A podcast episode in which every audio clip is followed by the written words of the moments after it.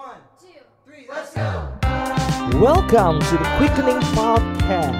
Pesan untuk generasi bertujuan untuk menguatkan orang percaya dan membangun generasi. Berisi firman Tuhan dan kesaksian dari para anggota Quickening. Enjoy. Apa kabar untuk teman-teman semua, di mana pun saat ini kalian mendengarkan? Pada kesempatan kali ini saya mau membagikan sedikit cerita ya tentang pengalaman saya. Tapi sebelum itu saya ingin membaca dari Markus, Markus 4 ayat 35 sampai dengan 41. Pada hari itu, waktu hari sudah petang, Yesus berkata kepada murid-muridnya, Marilah kita bertolak ke seberang.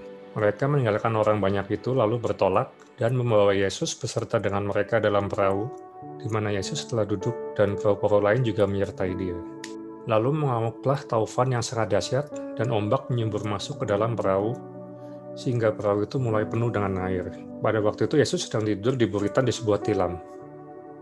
Maka murid-muridnya membangunkan dia dan berkata kepadanya, Guru, engkau tidak peduli kalau kita binasa. Maka Yesus pun bangun, dia menghardik angin itu dan berkata kepada danau, Diam, tenanglah. Lalu angin itu reda dan danau menjadi teduh sekali. Lalu Yesus berkata kepada muridnya, Mengapa kamu begitu takut? Mengapa kamu tidak percaya? Lalu mereka menjadi sangat takut, murid-muridnya, dan berkata seorang kepada yang lain, Siapa gerangan orang ini, sehingga angin dan danau pun taat kepadanya? Sama seperti kisah Yesus dan murid-muridnya di atas, di mana mereka saat itu naik kapal dan bertujuan untuk mencapai seberang danau. Demikian juga dengan hidup kita yang harusnya memiliki suatu tujuan. Untuk dapat mencapai tujuan tersebut, tentu kita harus bergerak berusaha apa pun itu caranya. Perahu dalam cerita di atas bisa disamakan dengan hal-hal yang bisa membawa kita ke tujuan hidup kita. Pekerjaan, bisnis, investasi bisa disebut sebagai perahu kita untuk mencapai kesejahteraan secara finansial. Pernikahan bisa disebut sebagai perahu kita dalam hal mencari kebahagiaan bersama dengan pasangan hidup kita. Keluarga adalah perahu kita dalam hal hubungan dengan orang tua dan saudara. Sedangkan komunitas seperti komsel atau yayasan atau gereja bisa disebut adalah perahu kita dalam membina hubungan dengan saudara-saudara seiman. Semua tujuan hidup kita pasti ada perahunya. Setiap dari kita saat ini sedang ada dalam perahunya masing-masing.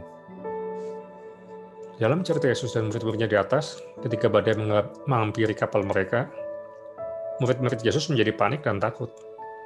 Padahal saat itu Yesus ada bersama mereka di dalam kapal tersebut. Kita juga demikian, hal itu bisa terjadi pada kita ketika kita menjalankan sesuatu dan kita berpikir, oh ini adalah jalan atau hidup yang disiapkan Tuhan untuk kita, bukan berarti semuanya akan mulus. Pasti tetap ada yang namanya badai atau masalah. Yang menjadi pertanyaan adalah, ketika badai itu datang, apa yang kita lakukan? Lalu siapa yang kita cari? Murid Yesus waktu lihat badai, mereka segera berlari membangunkan Yesus. Mereka tidak berusaha mengendalikan kapal, mereka bisa aja ambil kendali, memutar balikan kapal tersebut, merubah arahnya. Atau mereka bisa aja memutuskan menerjang badai dengan kemampuan mereka sendiri. Saya rasa kalau mereka mau, mereka bisa mencoba hal itu sih. Mengingat para murid Yesus kan ada sebelumnya adalah kerjanya adalah nelayan. Tentu mereka udah mahir mengendalikan kapal jauh sebelum mereka bertemu Yesus. Mereka nggak berusaha merubah kapal, kapal tersebut arahnya, yang mereka lakukan adalah mereka segera berlari membangunkan Yesus. Lalu gimana dengan kita? Ketika kita dalam perjalanan mencapai tujuan hidup, lalu kita menemui masalah atau badai, apakah kita berlari mencari Yesus sama seperti yang dilakukan oleh para rasul? Seringkali kita pakai cara kita sendiri untuk melewati badai tersebut. Sadar nggak sih kita bahwa selama ini tuh ada pribadi bernama Yesus yang bersama dengan kita dalam kapal yang kita naiki saat ini. Sebenarnya nggak apa sih kalau kita takut, atau kalau kita mungkin sedikit kesal, tapi yang paling penting adalah kepada siapa kita mencari perlindungan. Ada kejadian setahun lalu yang menjadi alasan kenapa saya sharing cerita di atas. Pada tahun 2019, waktu itu saya baru aja berhenti dari pekerjaan saya yang lama, saya memutuskan berhenti karena merasa itu bukan jalan hidup saya.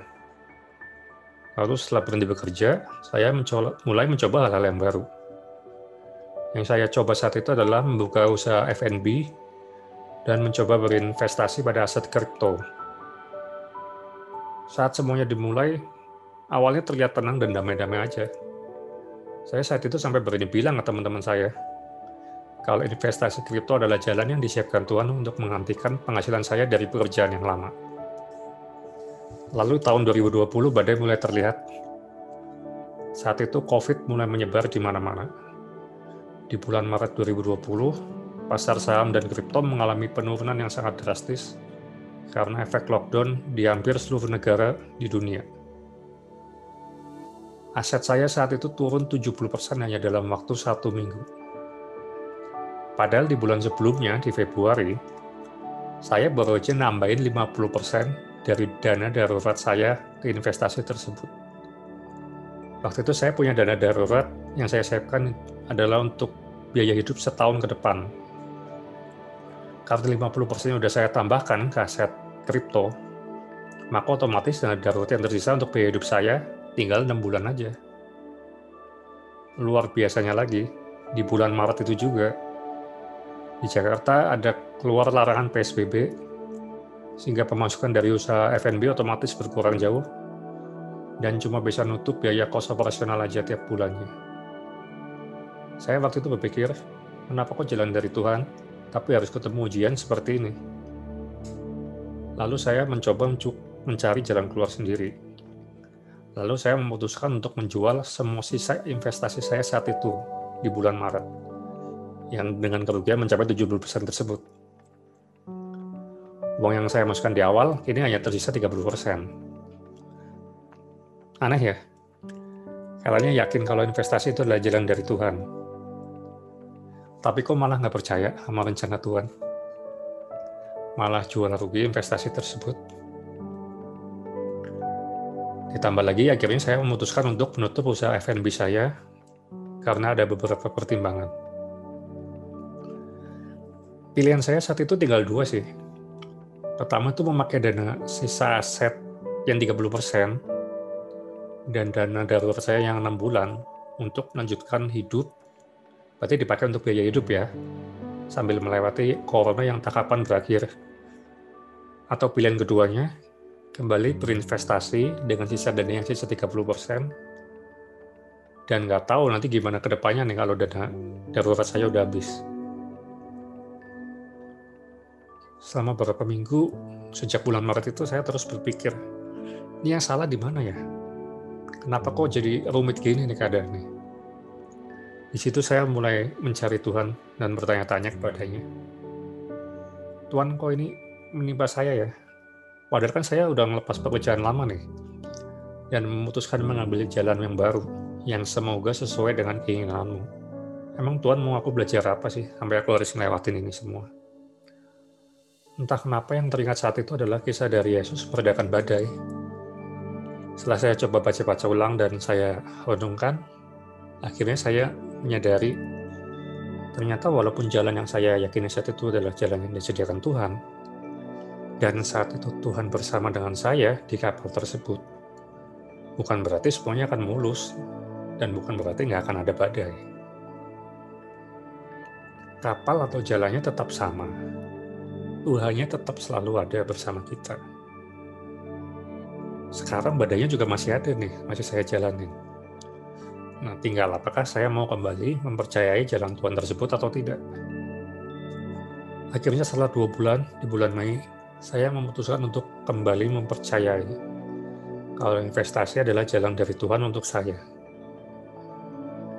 Lalu saya memasukkan kembali sisa aset 30% itu ke kripto urusan hidup nanti pasti ada jalan keluarnya lah. Saya pikir gitu. Tiga bulan kan sekarang saya masih ada pegang dana darurat tiga bulan. Saya yakin kalau ini jalan dari Tuhan pasti nanti Tuhan kasih jalan. Dan benar aja sih. Hanya setelah beberapa hari setelah saya memutuskan untuk investasi kembali ada dua kabar gembira yang saya dapatkan. Waktu itu ada dua teman saya yang memberikan sebagian aset investasinya kepada saya karena dalam beberapa bulan terakhir mereka mendapat profit yang cukup besar. Yang makin membuat saya heran, pemberian nasihat dari kedua teman saya itu kalau dijumlahin, besarnya sama seperti nilai awal saya yang saya masukkan di tahun 2019. Jadi inilah cara Tuhan menghardik badai tersebut, sehingga danau yang saya arungi bisa kembali tenang. Di akhir cerita, kapal saya berhasil melewati badai tersebut dengan baik, dan bisa bertahan sampai dengan saat ini, di tahun 2021. Apakah ke depannya akan ada badai yang lain? Saya sih maunya nggak ada, tapi nggak mungkin. Pasti ada badai berikutnya. Namun saya berharap, semoga ketika saya menemui badai selanjutnya, atau teman-teman menemui badai dalam hidup, respon saya dan respon teman-teman bisa seperti para rasul yang segera berlari menghampiri dan memohonkan Yesus, bukannya malah berusaha memutarbalikkan kapal atau menggerakkan kapal keluar jalur. Atau mungkin yang paling parah, malah lompat dari kapalnya. Terima kasih, Tuhan memberkati. Thank you for listening Quickening Podcast. Untuk kalian yang mau mengikuti aktivitas dari Quickening bisa follow Instagram kami di Quickening Official dan bisa subscribe YouTube kami di Quickening Official. Thank you.